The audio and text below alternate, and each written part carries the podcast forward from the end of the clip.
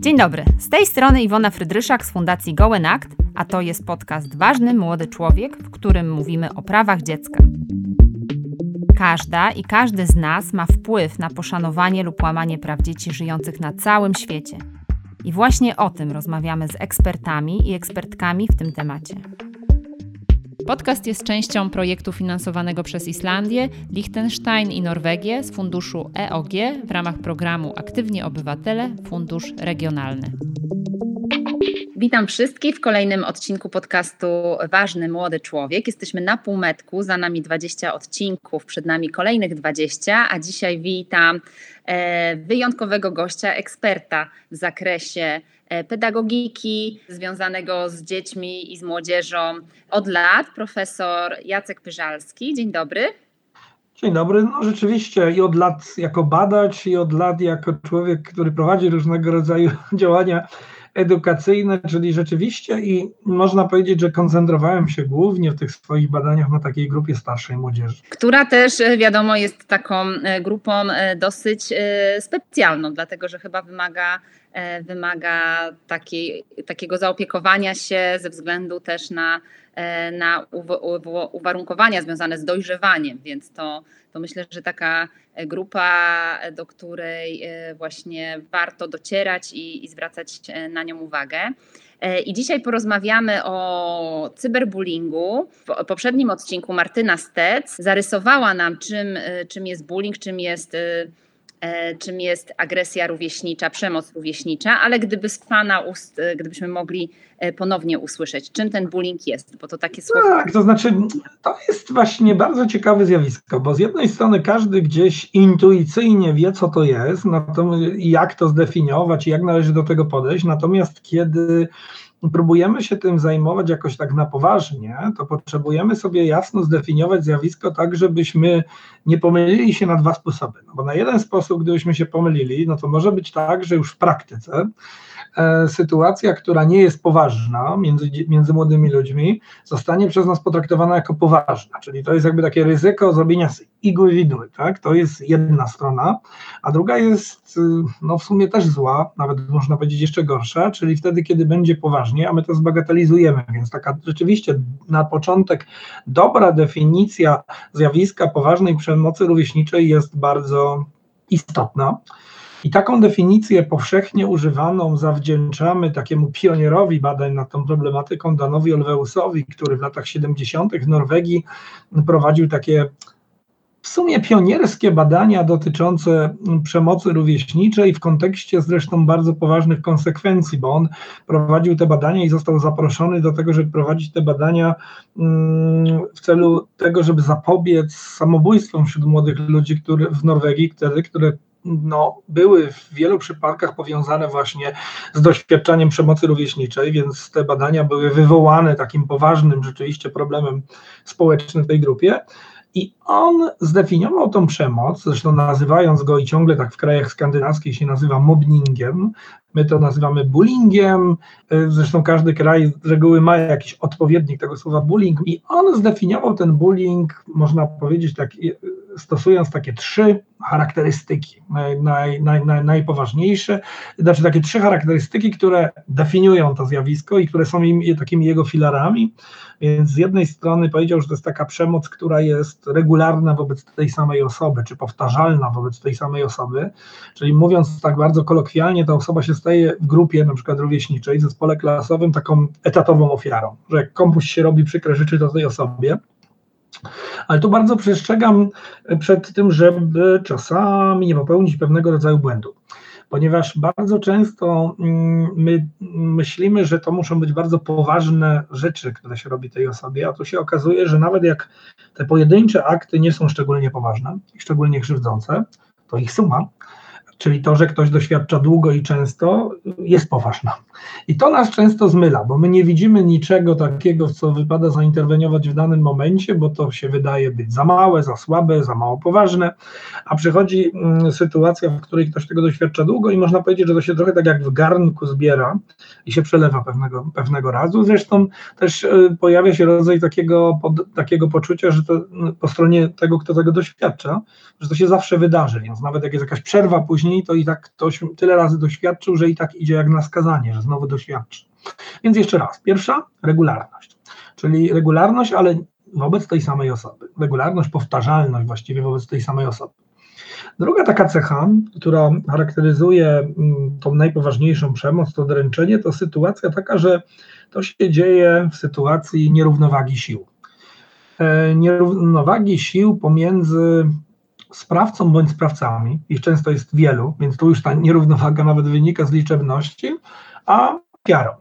E, ta nierównowaga sił oczywiście się tak najkrócej i najprościej kojarzy z e, fizyczną przewagą. No, duży bije małego, silny bije słabego, pełnosprawny bije niepełnosprawnego i może tak być, ale też y, zwracam uwagę, że nawet jak nie ma przemocy fizycznej, to może być nierównowaga sił. Ktoś jest bardziej odważny, żeby mówić, ktoś jest bardziej wygadany, tak, albo pięć osób mi coś mówi, tak, nieprzyjemnego i y, ta nierównowaga sił powoduje, że ofiara się zaczyna czuć bezradna, no bo jak tu się bronić, kiedy masz poczucie, że ci, którzy ci to robią, albo ten, który ci to robi, jest dużo silniejszy, więc to jest ta druga cecha. Wreszcie trzecia, która jest taka bardzo dyskusyjna tak naprawdę, ja sam ją dyskutuję w literaturze, to jest kwestia intencjonalności, czyli tego, że ci, co to robią, to robią to po to, żeby skrzywdzić, zrobią po to, żeby zabolało. Dlaczego to jest dyskusyjne? No bo co prawda tak z reguły jest po dłuższym czasie, ale często na początku, kiedy w grupie się ta przemoc zaczyna, to ci sprawcy nie mają za cel krzywdzenia kogoś czy zadawanie mu bólu, tylko powody są dużo bardziej prozaiczne. Na przykład robią to, bo robi ktoś, na kim im zależy, tak? I chcą się popisać, w jakiś sposób przypodobać komuś innemu, kto to robi. Albo robią to, bo wszyscy robią, tak? Albo robią to, bo jest wesoło. Yy, jakby skutkiem ubocznym jest czyjaś krzywda, ale nie jest celem takim jakby świadomym. Ale teraz czemu to jest bardzo ważne i nie tylko dla teoretyków, badaczy, ale i dla praktyków? Bo jeżeli umiemy sobie wyodrębnić dzieci, a jak się dobrze prowadzi badania, to to się da, które są ofiarami właśnie takiej przemocy, jak przed chwilą powiedziałem, czyli regularnej, w której istnieje nierównowaga sił i do tego intencjonalność, to okazuje się, że tego typu przemoc przynosi bardzo poważne skutki, zarówno krótko, jak i długofalowe skutki w obszarze zdrowia psychicznego, oczywiście negatywne. I oczywiście głównie po stronie ofiary, choć nie tylko bo tak się przyjęło, że to tylko ofiara na tym traci, a właściwie na przemocy rówieśniczej tracą sprawcy, a na przemocy rówieśniczej tracą też wszyscy świadkowie. Bo to jest coś całkiem innego dorastać w zespole klasowym, w którym jest taka przemoc albo go nie ma. W każdym razie nie ma żadnych wątpliwości badawczych, naukowych. Y, y, sam prowadziłem sporo takich dużych badań, że jeżeli jesteś przez długi czas ofiarą przemocy rówieśniczej o charakterze dręczenia, bullyingu, no to koszty w zakresie zdrowia psychicznego są bardzo wysokie. I, i, I to jest jakby bardzo, bardzo można powiedzieć szkodliwe. Więc tak wygląda przemoc rówieśnicza poważna. No i na przykład to nie, odróżnia to od sytuacji, na przykład, która też nie jest wesoła i pozytywna, jak konflikt między uczniami, ale konflikt jest z reguły między w miarę równymi siłą, jest chwilowy, mija. Natomiast, y, natomiast, natomiast y, no bullying jest takim stałym nadużywaniem wobec kogoś, jest taką przemocą, która, która się dzieje przez dłuższy, przez dłuższy czas. Czyli I... jeżeli, hmm? czyli gdybyśmy mieli wrócić e, do, do przyczyny czy natury, czy to jest tak, że, że to zjawisko leży w naturze ludzkiej, grup ludzkich, e, wynika z jakiejś psychologii społecznej, czy to jest pokłosie naszych czasów, w których y, młodzi ludzie często są zagubieni i no i tutaj można wymieniać właśnie nowe media, y, duże jakby brak zainteresowania rodziców i tak dalej, nie? Y, Leży w naturze.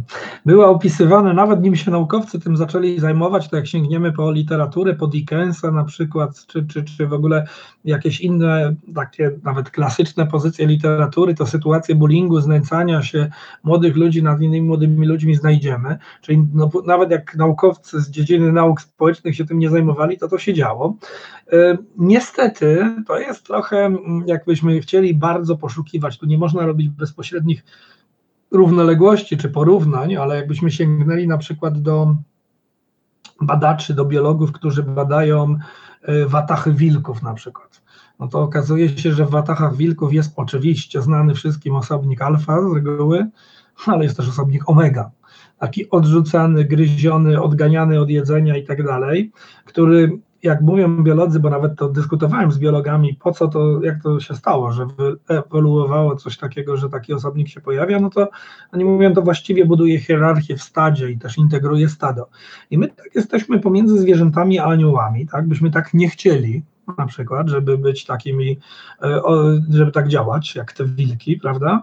Natomiast no, wyniki badań są trochę nieubłagane i na przykład kiedy y, sięgniemy po takie badania, w których się porównuje częstotliwość pojawiania się przemocy rówieśniczej wobec dzieci, na przykład, które są w jakiś sposób inne ze względu na niepełnosprawność, jakkolwiek, na przykład to są dzieci z niepełnosprawnością intelektualną, czy dzieci ze spektrum autyzmu, czy dzieci z niepełnosprawnościami sensorycznymi, na przykład niesłyszące, słabo słyszące i tak dalej, szczególności w kontekście, kiedy one się uczą w grupie takiej dzieci, nazwijmy to pełnosprawnych, się okazuje, że badania pokazują, że dwu, trzykrotnie to najczęściej, a nawet i częściej, one są ofiarami, te dzieci wykazujące tą niepełnosprawność są ofiarami w porównaniu z dziećmi pełnosprawnymi, a nawet znam wyniki badań pokazujące, że coś takiego jak zmiany skórne poważne, że ktoś ma silny trądzik, już go już mu ryzyko bycia ofiarą zwiększają kilkukrotnie, czyli no, nie chcielibyśmy, tak, żebyśmy jako ludzie się kierowali takimi mechanizmami, że kto inny w jakikolwiek sposób temu będziemy coś robić. Natomiast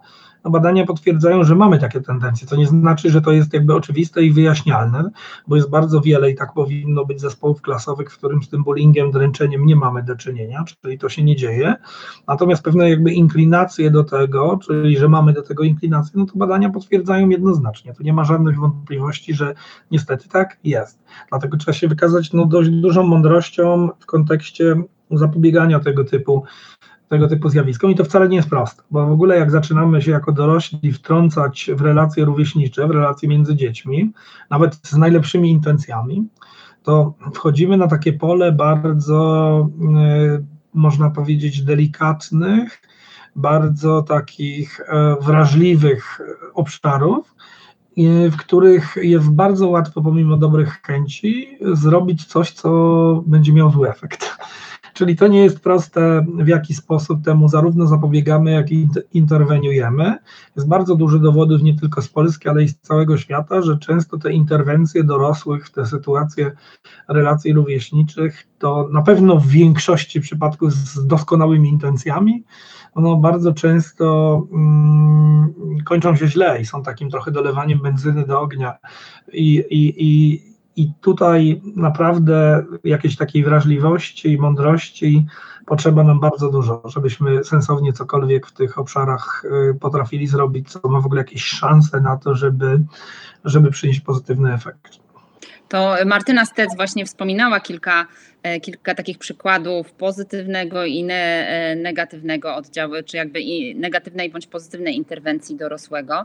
E, więc odsyłam do tego poprzedniego odcinka. Tutaj też Pan zahaczył o taki ciekawy wątek, bo, e, bo ta natura ludzka, o której Pan mówił, to trochę też udowadnia, czy, czy stoi w kontrze do takiej pedagogiki naiwnej, którą myślę, że też my jako dorośli często uprawiamy, myśląc, że to właśnie dorośli to są ci źli, a dzieci z natury rodzą się po prostu e, z otwartymi sercami, empatyczne w stosunku do wszystkich i tak naprawdę, e, i tak naprawdę właśnie w ich naturze nie leży e, nic, co, co gdzieś tam nie jest właśnie z tych niebios. E, no a tutaj się okazuje, że, e, że jednak no, no trzeba mieć też dużo, e, dużo takiej uwagi jednak. No, przemoc rówieśnicza niestety daje wiele społecznych korzyści. Jak sobie przypomnimy, jak to jest stać sobie w takiej grupce i wyśmiewać się z kogoś na przykład, no to może temu komuś jest źle, ale my jako grupka jesteśmy bardziej ze sobą, tak? I nam jest z kolei, mamy poczucie bycia bardziej razem, czy jakiejś spójności, no, czyli jakby czasami wspólny wróg, to czasami bywa nawet przecież wykorzystywany w życiu społecznym przez różnego rodzaju decydentów czy polityków, tak? Znajdźmy kogoś, przeciwko komu ludzie się zjednoczą. Więc Prawda jest taka, że mm, oczywiście to nie jest takie proste, tak? I te takie biologiczne y, czy, czy, czy biopsychologiczne wytłumaczenia są, są pewnymi uproszczeniami.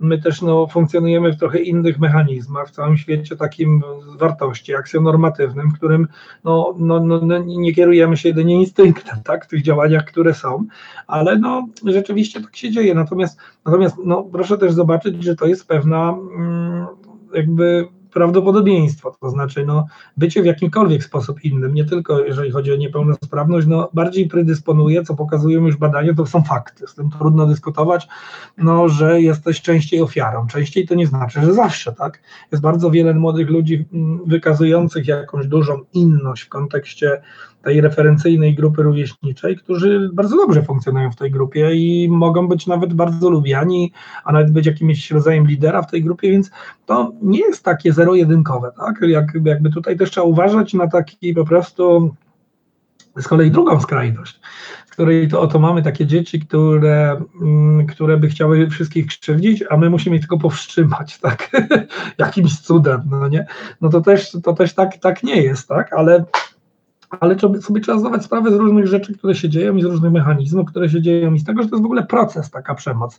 Czyli y, jeżeli to jest proces, to my oczywiście możemy czekać, aż ten proces będzie bardzo zaawansowany i gdzieś tam dopiero na ostatnim etapie wkroczyć ten proces, żeby cokolwiek z nim zrobić. I tak porównując to z pożarem, to jest wtedy właśnie, kiedy już pali się 100 hektarów, wszyscy wiedzą, jaka jest skuteczność gaszenia wtedy i jak wygląda taki las nawet po zgaszeniu. I to jest bardzo dobra analogia, bo jak ta przemoc rówieśnicza potoczy się bardzo daleko i gdzieś y, ktoś już będzie mocno skrzywdzony, to to czasami nie ma co zbierać. I, i co prawda można to zatrzymać, żeby już kompletnie nie poszło w stronę tragedii, ale no nie wróci się do tego stanu sprzed pożaru. No więc niektórzy mówią, no to działaj na etapie niedopałka, czy działaj na etapie mniejszego ognia i to jest dobre. To jest kwestia, czy my umiemy mądrze reagować na takie małe przejawy tej przemocy, kiedy, kiedy to jeszcze tak daleko nie zaszło, ale można też działać przed procesem. Czyli na przykład tak sadzić las, żeby, ja to, to od lat stosuję takie porównanie, żeby tak sadzić las, żeby on nie był łatwopalny. Czyli, no nie wiem, robić szerokie drogi w tym, w tym prawdziwym lesie, tak? Albo, albo, może... albo doprowadzać wodę wszędzie. Czyli co robić na przykład w nowej klasie, tak przekładając to już na życie, w nowym zespole klasowym na przykład, żeby tak te dzieci się ze sobą poprzyjaźniły, takie więzi, żeby się stworzyły, żeby to był taki zespół klasowy odporny w ogóle na pojawianie się tego typu sytuacji, tak, żeby tam ludzie nie mieli ochoty sobie robić krzywdy, żeby konflikty nie przeradzały się, które są nieuniknione, jak się w grupie ludzi jest, ale nie przeradzały się w bardzo poważne problemy, żeby ktośkolwiek kogokolwiek bronił, żeby kogoś cokolwiek, cokolwiek obchodziło, tak? I to jest bardzo wyrafinowana wiedza, to znaczy ja ją staram się zwiększać od przynajmniej dwóch dekad i mam ciągle poczucie, że jeszcze sporo przede mną, że to nie takie proste, jak No właśnie. Y, I wśród naszych słuchaczy i słuchaczek na pewno są nauczyciele i nauczycielki, i na pewno Pan ma w rękawie jakieś przykłady jakichś drobnych ćwiczeń czy praktyk, które po prostu można zastosować w klasie właśnie profilaktycznie? Mam mnóstwo, ale może od razu pewne zastrzeżenie nim powiem, bo powiem oczywiście kilka. E, tak jak powiedziałem wcześniej, kiedy się ingeruje w jakikolwiek sposób w to, jak ludzie się komunikują, jak ze sobą są, jak ze sobą współpracują i tak dalej, to jest delikatny obszar. A co z tego wynika? Tego wynika, że małe rzeczy, które się robi, czy małe szczegóły wprowadzania tych metod mogą mieć bardzo duże przełożenie na to, czy dana metoda zadziała, czy nie zadziała, albo nawet czy nie zaszkodzi.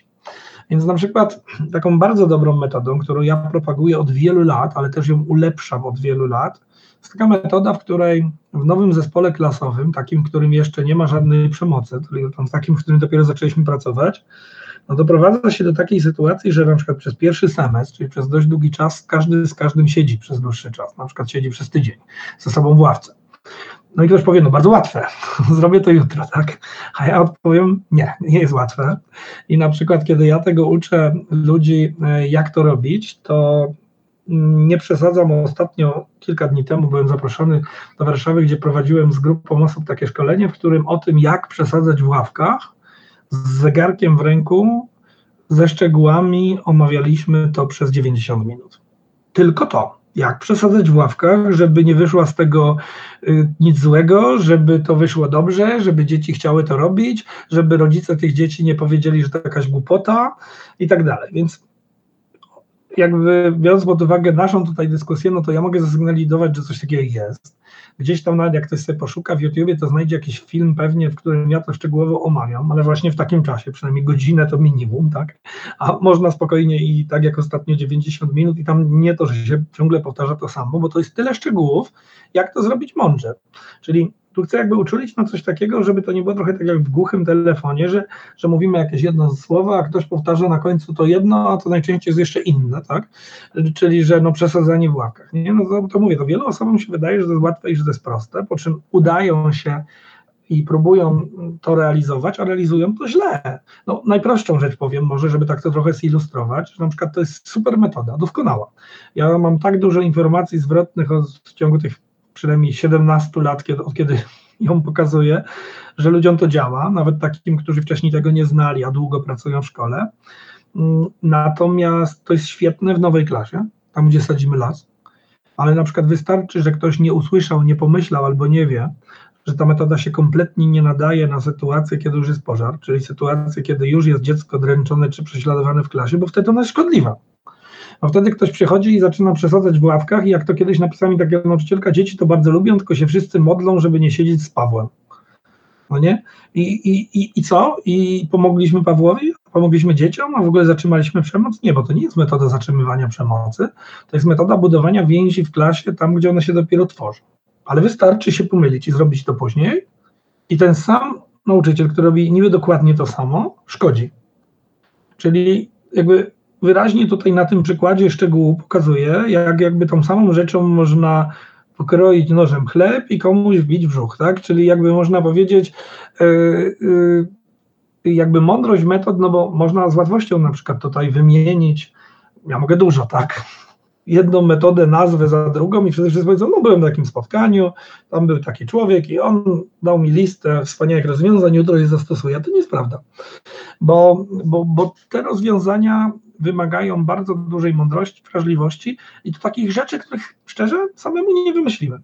Ja na przykład sam te metody zmieniam latami, ale na podstawie czego? Ano różnych informacji zwrotnych, na czym ktoś się wyłożył w praktyce i to tego się nie da wymyśleć. Siąść przy piórku i powiedzieć, ha, no to ja teraz wydumam, prawda, jak taką metodę robić i tak wydumam, a potem wszystkim powiem to jest jedyna rzecz, która tego uczy, to takie mocne, refleksyjne przyglądanie się praktyce realizacji tego, nie? Albo ktoś mówi na przykład, o, ja chcę, żeby uczniowie się, nie wiem, zintegrowali, to robię pracę zespołową, no nie? Ale to każdy nauczyciel nas słuchający wie, że praca zespołowa, jak to nie jest dobrze przemyślane, to często jest takie działanie pozorowane, to jest żadna praca zespołowa. Grupa ludzi się dzieli po kawałku tym, co zrobi, po czym przychodzą i mówią jeden za drugim, tak? No i mówią, to jest praca zespołowa, bo myśmy to razem przygotowali. A tam się nic nie dzieje, tam nie ma żadnych więzi, nie? No i znowu powstaje pytanie, to jak to mądrze zrobić? No i to jest odpowiedź, która trwa godzinami, tak? Jak to mądrze zrobić, żeby praca zespołowa rzeczywiście była szansą na utworzenie jakichkolwiek więzi. Więc rozwiązań trochę jest, ale przed jednym przestrzegam, no na pewno nadmierna wiara, a niektórzy taką mają, w takie działanie różnego rodzaju warsztatowe. Nie? Na przykład, że nie, na warsztatach integracyjnych ludzie się zintegrują. Ja im zrobię dwa razy warsztaty integracyjne, oni tam przyjdą, nauczą się swoich imion, coś sobie opowiedzą i będzie wspaniale. Nie? No, tak, jest taka wiara w niektórych naiwna. W ogóle jest taka wiara, że takimi warsztatami edukacyjnymi to jest taki, taka recepta na edukację. Nie? A prawda jest taka, że więzi między ludźmi tworzą się takimi codziennymi doświadczeniami.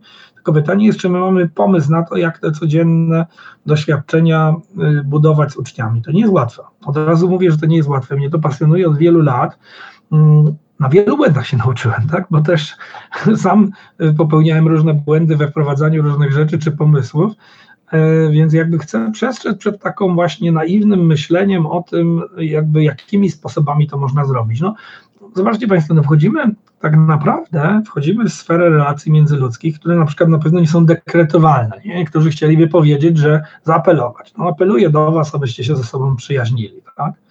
Są jeszcze tacy, którzy by chcieli nakazać, proszę koleguj, kolegujcie się z tamtym chłopcem, z którym się nie kolegujecie. Najlepiej od jutra, nie?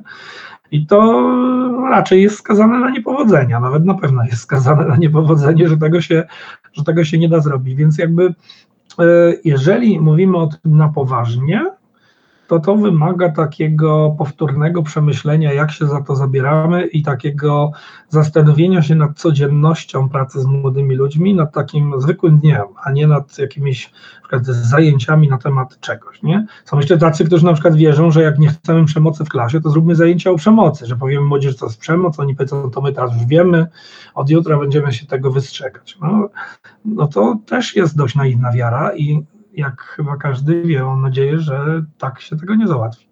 Więc no, no to jest tak właśnie rzecz, która, która jest dużo poważniejsza niż się czasami wydaje. Na pewnym takim prostym sposobie myślenia to jest łatwe, a jak zaczynamy być szczerzy i szczerze sobie o tym rozmawiać na poważnie, to przestaje to być takie łatwe. A na ile e, pan spotyka się z tym, że właśnie jednak to wychodzi od młodzieży, od młodych ludzi, którzy zauważają, że coś jest nie tak i pomóżcie nam, wy dorośli, może sobie z tym poradzić? Czy raczej.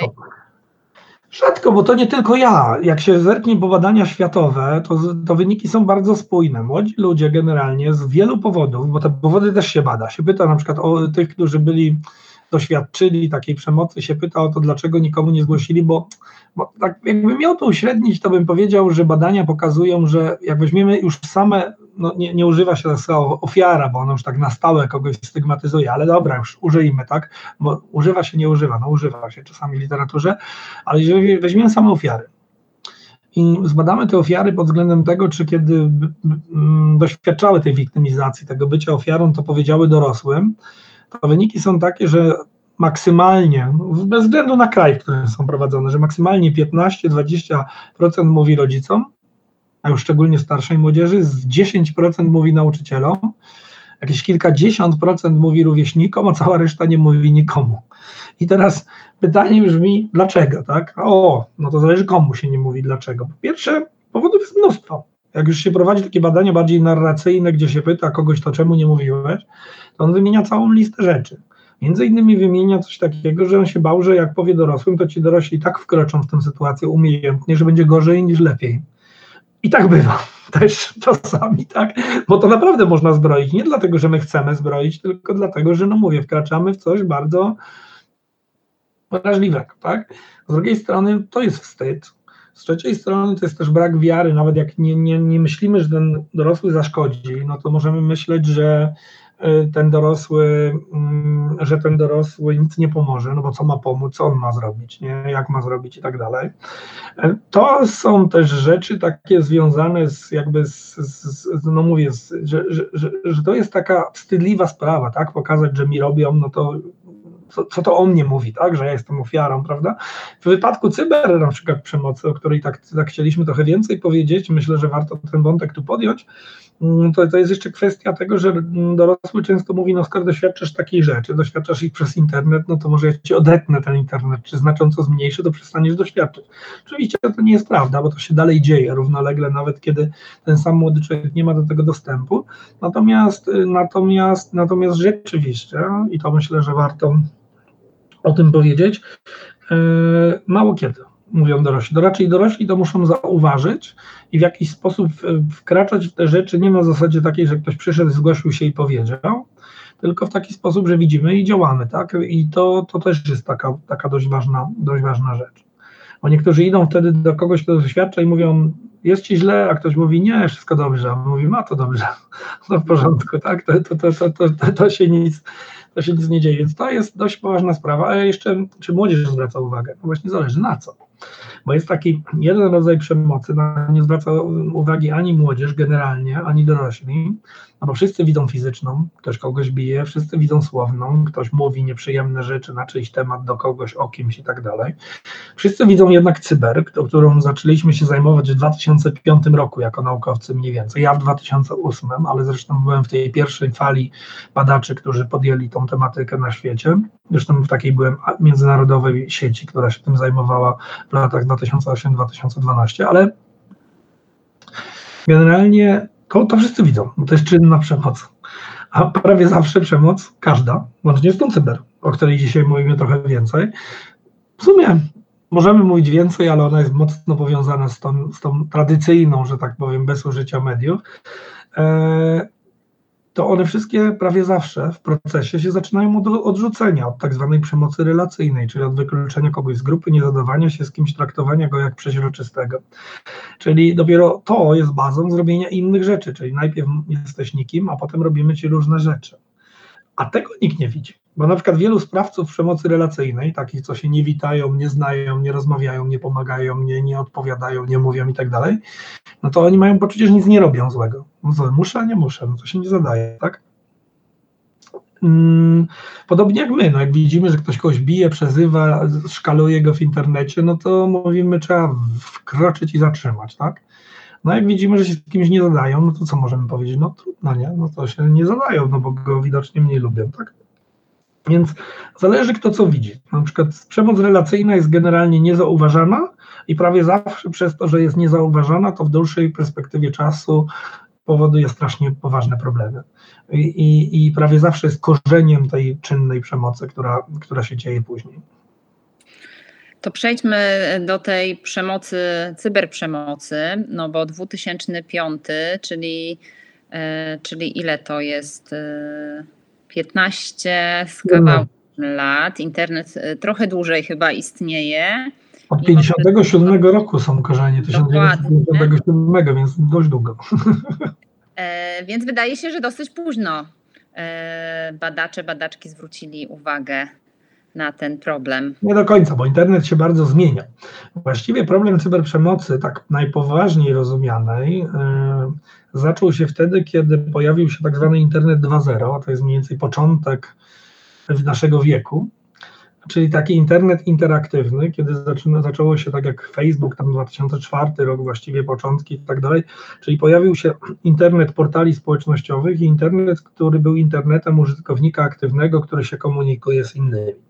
Wcześniej to było całkiem inaczej skonstruowane. Głównie internet polegał na dostępie do danych, ale taki internet współpracy i takiej masowej komunikacji, czy była możliwa wcześniej komunikacja, ale było to bardziej elitarne, mniej upowszechnione i tak dalej. Ale taki internet no 2.0, tak najprościej mówiąc, internet szeroko rozumianych portali społecznościowych, no to to jest mniej więcej taki czas właśnie, to jest mniej więcej taki czas. I kiedy to się zaczęło, zresztą to były ciekawe początki, bo tak jak w latach 70. zaczęto zajmować się dręczeniem e, pod wpływem tych poważnych sytuacji związanych z samobójstwami młodych ludzi, podobnie było w tym roku 2005, kiedy to też na początku prasa zaczęła pisać o takich bardzo drastycznych przypadkach E, cyberprzemocy, które kończyły się samobójstwami. To były konkretne dzieci, zresztą w Stanach Zjednoczonych, to nawet w niektórych stanach później nazwiskami tych dzieci nazywano prawo, które, które tworzono jakby, jakby wychodząc od sytuacji, która miała miejsce, tego samobójstwa związanego z cyberprzemocą na przykład. Mm, to też zaczęto się zajmować w ten sposób, że na początku opisano te drastyczne przypadki, zaczęło to być postrzegane jako poważny problem społeczny i wtedy badacze powiedzieli, no musimy się tym zająć gdzieś bliżej, zobaczyć jak to jest rozpowszechnione, jakie są mechanizmy. I tu głównie oś dyskusji i oś badań, no w tym akurat uczestniczyłem bardzo blisko, no przez to, że, że to był ten czas, kiedy, kiedy się tym zajmowaliśmy, oś dyskusji i oś badań sprowadzała się do pytania, czy mamy do czynienia ze zjawiskiem, które jest jakoś kompletnie odmienne czy mamy do czynienia z czymś, co napisała Kin Lee, czyli taka jedna z badaczek pierwszych, która się tym podejmowała i ona pisała taki artykuł cyberbullying, myślnik stare wino w nowej butelce, znak zapytania, tak? Czy mamy do czynienia ze starym zjawiskiem w nowym przebraniu, w nowej kurtce, czy mamy do czynienia z czymś kompletnie nowym? I ta dyskusja była bardzo ciekawa, tak? Bo weźmy tą definicję bullyingu czy dręczenia, którą przywołałem wcześniej. No, w wypadku tradycyjnej przemocy mamy powtarzalność, czyli ten sprawca działa wielokrotnie. No ale na przykład ktoś mówi, ale przepraszam, w niektórych przypadkach cyberbullyingu, cyberprzemocy, no wystarczy, że sprawca coś opublikuje raz, a wiele osób to zobaczy, upowszechni i tak dalej, no to czyli już nie musi być powtarzalności. Czyli sprawca może zadziałać raz, ale dzięki już cechom tych nowych mediów, tam gdzie jest łatwo kopiować, upowszechniać ze względu na cyfrowość właściwie materiału, no to, no to to się jakby zrobi wielokrotne, ale już bez udziału sprawcy, czyli inaczej, można by powiedzieć trochę. Nie? Albo z czego na przykład w cyberprzestrzeni, czy w komunikacji cyberprzestrzennej, z czego wynika nierównowaga sił? Czym ten sprawca jest tam silniejszy? Mięśniami? No niekoniecznie, tak? Więc, więc, więc, y, więc można by powiedzieć, że ta odpowiedź, czy to stare wino w nowej butelce jest taka niejednoznaczna. Bo z jednej strony ja prowadzę takie badania od wielu lat bardzo duże i też międzynarodowe. Z jednej strony wszystkie badania są spójne, że stanowcza większość sprawców cyberprzemocy rówieśniczej w kontekście przykład zespołu klasowego, stanowcza większość takich, e, takich osób jest jednocześnie sprawcami przemocy tradycyjnej wbrew obiegowym opiniom. To znaczy bardzo ciężko jest znaleźć sprawcę cyberprzemocy rówieśniczej, który jednocześnie jest ok w relacjach rówieśniczych takich w przestrzeni fizycznej. To się praktycznie nie zdarza, tak? Czyli można by powiedzieć, że to jest powiązane, że właściwie w tym momencie ta cyberprzemoc nie jest czymś nowym, tylko jest obszarem działania, gdzie ten sprawca no, ma dodatkowego kija, którym może kogoś uderzyć. I to jest, to jest dość duża prawda, tak? To znaczy badania tu są bardzo spójne. Moje na przykład ja prowadziłem trzy duże badania ilościowe, które wszystkie pokazały to samo na ten temat, mimo że były prowadzone w różnych latach, czyli to mocny overlap, to nakładanie się tych zjawisk. Podobnie jest z byciem ofiarą, tak? Rzadko kiedy na przykład w zespole klasowym ktoś jest ofiarą tylko cyberprzemocy, a nic innego mu się tam nie dzieje, tak? Po prostu najczęściej dzieje mu się wszystko naraz, w tym cyberprzemoc. Nie? Więc, więc, więc no to mówi, że to jest stare wino. No a w nowej butelce no, wchodzą te nowe mechanizmy. Ale z tego też wynika bardzo praktyczne pytanie, nie? No to, to weźmy do mojego przykładu, tylko przestrzegam jeszcze raz, wspomnianego, a nie omówionego szczegółowo metodycznie przesadzania w ławkach. Nie? No to jeżeli będę dobrze przesadzał w wiem jak to robić i w wyniku tego między dziećmi będą więzi, to czy to będzie profilaktyczne działanie wobec zwykłej przemocy fizycznej, tak, czy cyberprzemocy? No i tej, i tej. Bo jak mam z kimś więź, to nie mam ochoty go ani kopnąć, ani nie mam ochoty na niego napisać niczego przykrego w internecie. Czyli można powiedzieć, że jest pewna część rozwiązań dotyczących przemocy rówieśniczej, które są absolutnie uniwersalne, e, bez względu na to, co ten sprawca miałby zrobić, jeżeli chodzi o profilaktykę. Na przykład, jeżeli jakimś cudem albo nie jakimś cudem, tylko dzięki swojej wiedzy uda mi się wesprzeć budowanie więzi pomiędzy młodymi ludźmi, oni się stworzą, y, stworzą się te więzi, y, te sznurki, ja to tak nazywam, pomiędzy dziećmi, no to one będą działały profilaktycznie na w ogóle robienie sobie krzywdy, jakkolwiek, czy przy pomocy mediów, czy bez pomocy mediów i tak dalej. Nie? Ale z drugiej strony, no, komunikacja tak zwana zapośredniczona przez komputer, czyli taka, w której wykorzystujemy narzędzia, choćby takie, przez jakie tutaj nagrywamy sobie ten nasz podcast, tą naszą rozmowę, e, no na tyle jakby modyfikują to, w jaki sposób odbieramy rozmówcę, w jaki sposób w ogóle odbieramy różne rzeczy, na przykład emocje i tak dalej, i tak dalej, że y, istnieją takie mechanizmy, które w jakiś sposób wspierają czyli łatwiej jest być sprawcą przemocy online, no łatwiej jest. Nawet komuś, kto, czyli można by powiedzieć, że no, stwarza takie warunki. No, wbrew pozorom nie, nie chodzi o tak zwaną anonimowość, bo ona też znowu, obiegowa opinia mówi, że to jest taka cecha cyberprzemocy, no to też tak nie jest. Wszystkie badania pokazują, że to jest tak 50-50. W połowie przypadków cyberprzemocy jest anonimowa, w połowie sprawca jest kompletnie jawny, bo na przykład ze swojego profilu pisze obrzydliwe rzeczy komuś, czy ze swojego telefonu, więc wie, że go widać, tak? Więc to też nie jest tak, jak wszyscy mówią, jak się przyjrzymy wynikom badań, natomiast Chciałem tu powiedzieć, że jest pewne, są pewne rozwiązania specyficzne. My prowadziliśmy kiedyś, to jest bezpłatnie dostępny taki program, projekt Impact.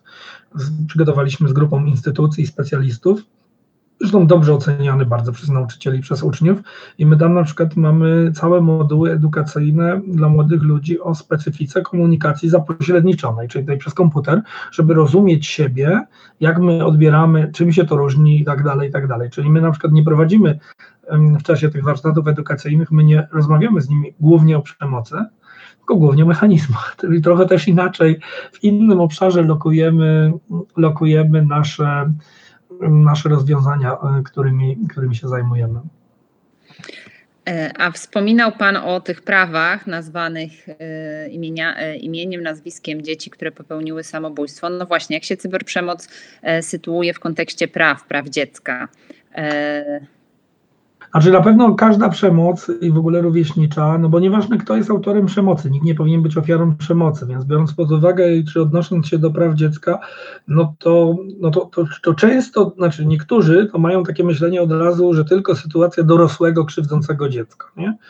No też oczywiście, tak, ale, ale mm, jak dzieci krzywdzą dzieci, to ból też jest ten sam, tak, więc, więc, więc to jakby ja to zawsze mówię nauczycielom, że konsekwencje takie indywidualne w obszarze zdrowia psychicznego są tak poważne, na przykład nawet to pokazują badania podłużne, na przykład australijski projekt temperamentu, że efekty przemocy rówieśniczej sięgają dorosłości, tak, więc jak się bada tych samych ludzi do dorosłości od dziecka, to się okazuje, że problemy wynikające z bycia ofiarą przemocy rówieśniczej na etapie szkoły podstawowej no, utrzymują się do, do, do dorosłości. Tak?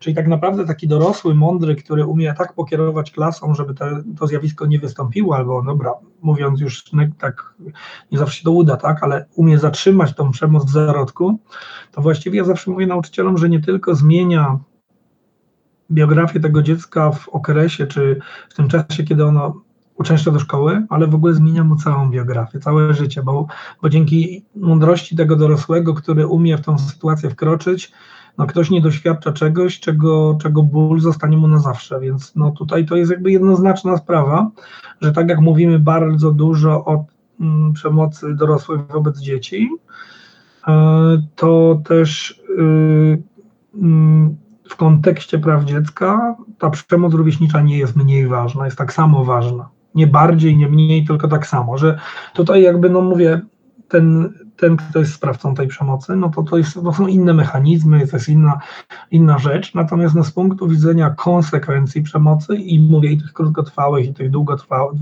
czy, czy krótkofalowych i długofalowych, mm, to jest przemoc, tak? Więc no tutaj nie ma wątpliwości, że to jest, to jest, to jest, to jest istotna sprawa. Natomiast jeśli chodzi chociażby o konwencję o prawach dziecka, no to tutaj e, strony zobowiązane to są państwa strony. Czyli jak to jest z obowiązkiem szkoły, która jest e, no, instytucją publiczną, czyli jest stroną na przykład w konwencji o prawach dziecka, jeśli chodzi właśnie o e, mm, o odpowiedzialność za to, co się dzieje w cyberprzestrzeni, no bo ona, ta mm. Cyberprzestrzeń pojawia się, tak jak Pan tłumaczył, E, równocześnie klasie. No, tak, tu ciężko to rozdzielić w tym czasie, tak? No nie, w Stanach Zjednoczonych na przykład były bardzo długie na poziomie sprawdzania, mówię jak jest w Stanach, zaraz powiem jak jest w Polsce, ale w Stanach Zjednoczonych na przykład były bardzo długie dyskusje, kiedy szkoła odpowiada. No to potem badano na przykład, czy ktoś używał tych urządzeń z poziomu terenu szkoły. To jak używał z poziomu terenu szkoły, to uznawano odpowiedzialność szkoły, a jak używał nie z terenu szkoły, to nie. Ale prawda jest taka, że no dobrze, a jeżeli uczniowie pobiją innego ucznia poza szkołą, to to jest, nie mówię o odpowiedzialności, ale mówię, to powinniśmy się tym zajmować w klasie, czy powinniśmy powiedzieć, kolegę to możecie pobić, ale za płotem, byle nie tutaj, tak? No tak nie jest, tak? Bo to się i tak przeniesie do szkoły, jeśli te konflikty powstaną. Tu jest zawsze kwestia, no właśnie, gdzie się kończą edukacyjne i wychowawcze rozwiązania, a zaczyna się na przykład obowiązek szkoły zgłoszenia. No to za każdym razem wtedy, kiedy przemoc rówieśnicza staje się przestępstwem, zawiera elementy na przykład nadużycia seksualnego, czy elementy, nie wiem, uszkodzenia ciała, czy, czy jakieś bardzo poważne elementy, na przykład gruźb karalnych, tak, i tak dalej. Więc no, mamy ustawę o postępowaniu w sprawach nieletnich, oczywiście. Jest taki moment, gdzie szkoła musi, to też jest dość, no właśnie, kiedy to zrobimy, tak? No bo gdzieś jest to miejsce, w którym to zrobimy. No zrobimy to wtedy, jak usłyszymy, że jeden uczeń drugiego przezywa na przerwie, no chyba nie, prawda? Ale w którym momencie jest ten moment, kiedy powiemy, no ale tu już przekroczyłeś tą granicę, tak? Kiedy kończymy z takimi edukacyjno-wychowawczymi rozwiązaniami, a zaczynamy zgłaszać to instytucjom, prokuraturze, policji, sądowi rodzinnemu i tak dalej. To wbrew pozorom, szczególnie na tej takiej linii granicznej, nie jest takie łatwe, no bo o ile bym powiedział jakieś skrajności, usłyszałem, że uczeń powiedział do drugiego, ty debilu no to co, dzwonię na policję? No chyba nie dzwonię na policję, prawda? No ale, a jak powiedział do niego 100 razy, albo mówi do niego codziennie i pomimo tego, że próbuje jakoś oddziaływać, on to robi, pisze i tak dalej, to może już się bym zastanawiał, tak? Gdzie jest moment, żeby to zatrzymać, więc Wbrew pozorom to jest bardzo trudna decyzja i bardzo odpowiedzialna, gdzie się kończą rozwiązania edukacyjno-wychowawcze, a zaczynają się takie prawno-interwencyjne. I hmm, dużo się o tym dyskutuje. Ja pamiętam sam taką na przykład dyskusję e, z prawnikami w tym zespole międzynarodowym, w którym pracowałem, gdzie byli nam przedstawiciele kilkunastu krajów, gdzie dyskutowaliśmy z prawnikami, tak na poziomie europejskim nawet, którzy przyjeżdżali na nasze spotkania, e, jak, jakimi tu kryteriami się kierować, jakie kryteria muszą być spełnione, żeby na przykład przypadek cyberprzemocy, żeby włączać do rozwiązania przypadku cyberprzemocy, włączać instytucje takie już ścigania, które, które, które, które się wiążą, to, to, nie jest takie proste. No bo co? No wyślę ktoś komuś obraźliwego SMS-a, jednego, gdzie powiem na niego dwa brzydkie słowa. Czy to znaczy, że to jest sytuacja, która wymaga, bo to też ma swoje konsekwencje. To wcale nie jest tak, że jak się to zgłosi, to wtedy wejdzie ta policja i ona rozwiąże tą sprawę. Ja znam wiele przypadków, w którym do błahej sprawy były wezwane te organy ścigania, nic to nie pomogło, a właściwie zaostrzyło sytuację. Więc to są, mówię, to nie są takie rzeczy, które da się rozwiązać e, jakby takimi bardzo prostymi algorytmami. To no, no może ktoś tak z punktu widzenia proceduralnego powie, że no wszystko zrobiłem, bo ja to zgłosiłem gdzieś dalej, tak? A potem się okazuje, że z punktu widzenia rzeczywistego działania yy, wcale te efekty nie są takie proste i takie zero-jedynkowe i takie jednoznaczne, nie? Czy generalnie, jak, jak myślę, bo tak widzę, tak napatrzę na czas, że my tu tak w ogóle dopływamy łódką do brzegu powoli do, i do końca tego naszego spotkania, no ale jeśli mogę o tym właśnie powiedzieć, to, to rzeczywiście mówię, czym dłużej się tym zajmuję, tym bardziej widzę, jakie to skomplikowane, tak? Co nie znaczy, że bezradni mamy być, że o, takie to skomplikowane, nie można nic zrobić, ale tym bardziej widać, jak, jak, jak jeszcze raz mówię, jak bardzo dużo pewnej takiej dojrzałości po naszej stronie musi być, takich, takiej też odwagi czasami w, podejmowaniu decyzji, że coś robimy albo czegoś nie robimy i tak dalej. I też takich zawsze dylematów, bo w ogóle ingerowanie w tego typu sprawy które się, o których dzisiaj rozmawiamy, w każdą przemoc rówieśniczą, to powiem szczerze, że trzeba być bardzo niewrażliwym, żeby to się u kogoś nie wiązało z różnego rodzaju dylematami też etycznymi. To nie jest po prostu, to nie jest taki, no mówię, algorytm, jak upiec sernik, nie? albo coś tam zrobić. Choć nawet podobno tego sernika tak się według algorytmu też nie da, nie da upiec łatwo. Więc, więc, więc, y, więc to są ekstra ciekawe rzeczy, bardzo trudne, ale też bardzo niezbędne dla nas wszystkich, żeby to wiedzieć, bo jakby zjawisko jest powszechne. No mówię, jakbym miał uśrednić badania światowe, to bym powiedział, że w danym roczniku 10-15% dzieci, dzieci jest ofiarami bullyingu średnio.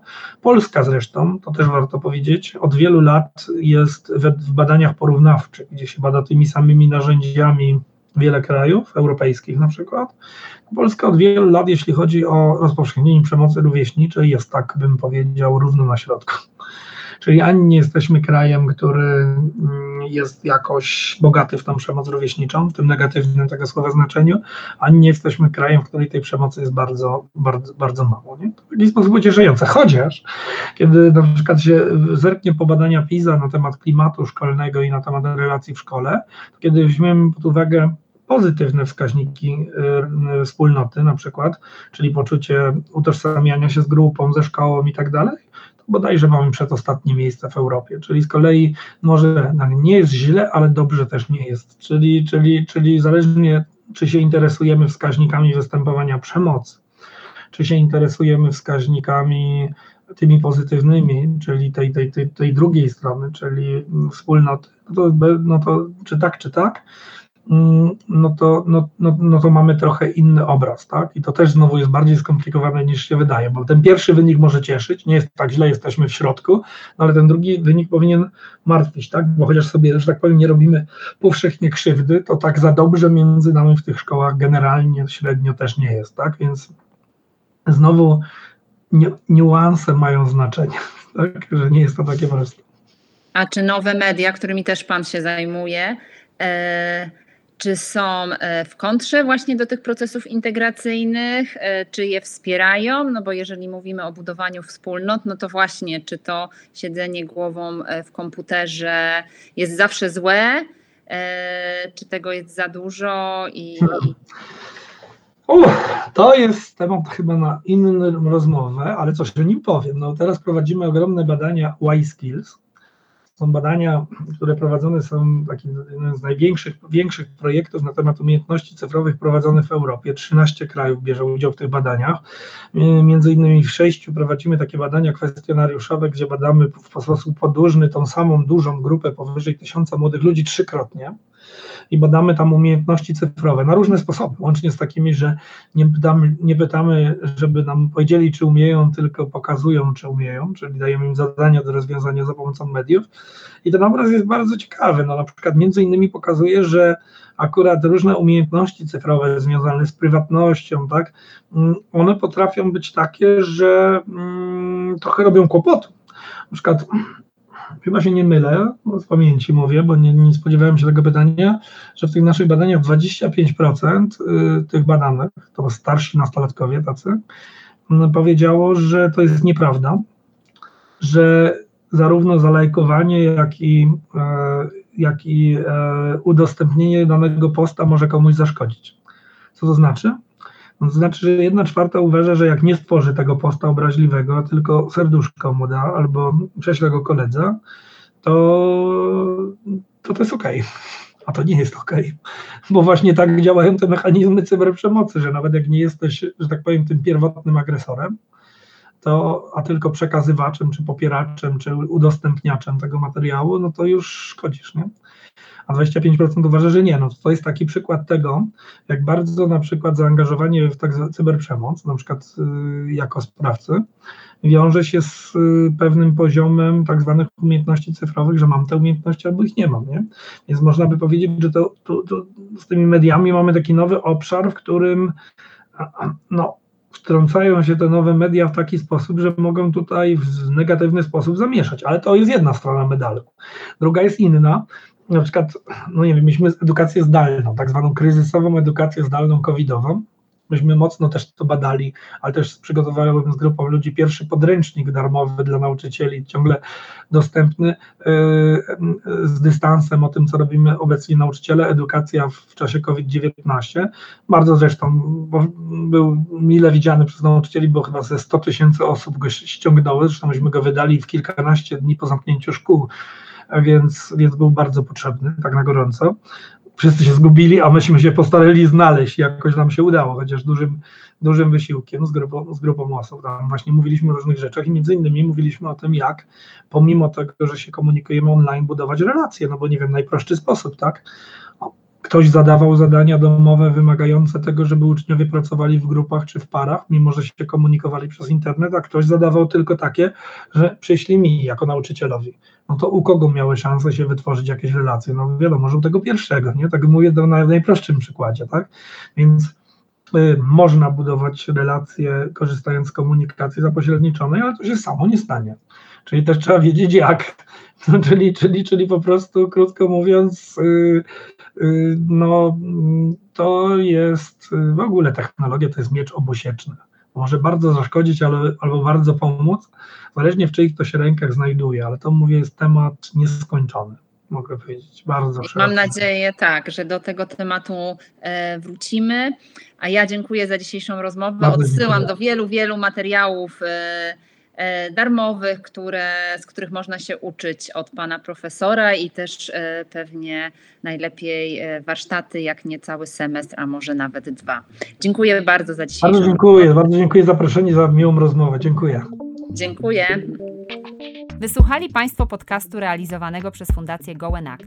Prowadzimy w niej działania z zakresu praw dziecka, edukacji dla pokoju i integracji społecznej. Serdecznie zachęcamy do wsparcia nas na Patronite oraz do zakupu w naszym internetowym sklepie charytatywnym na dobrą sprawę.